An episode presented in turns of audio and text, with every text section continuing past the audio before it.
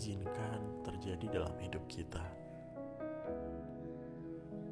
Terkadang kita tidak mengerti mengapa Tuhan izinkan segala sesuatu terjadi. Namun ketahuilah, rencana Tuhan pasti indah pada waktunya. Dan janjinya masih tetap sama, menyertai kita dalam setiap keadaan kita.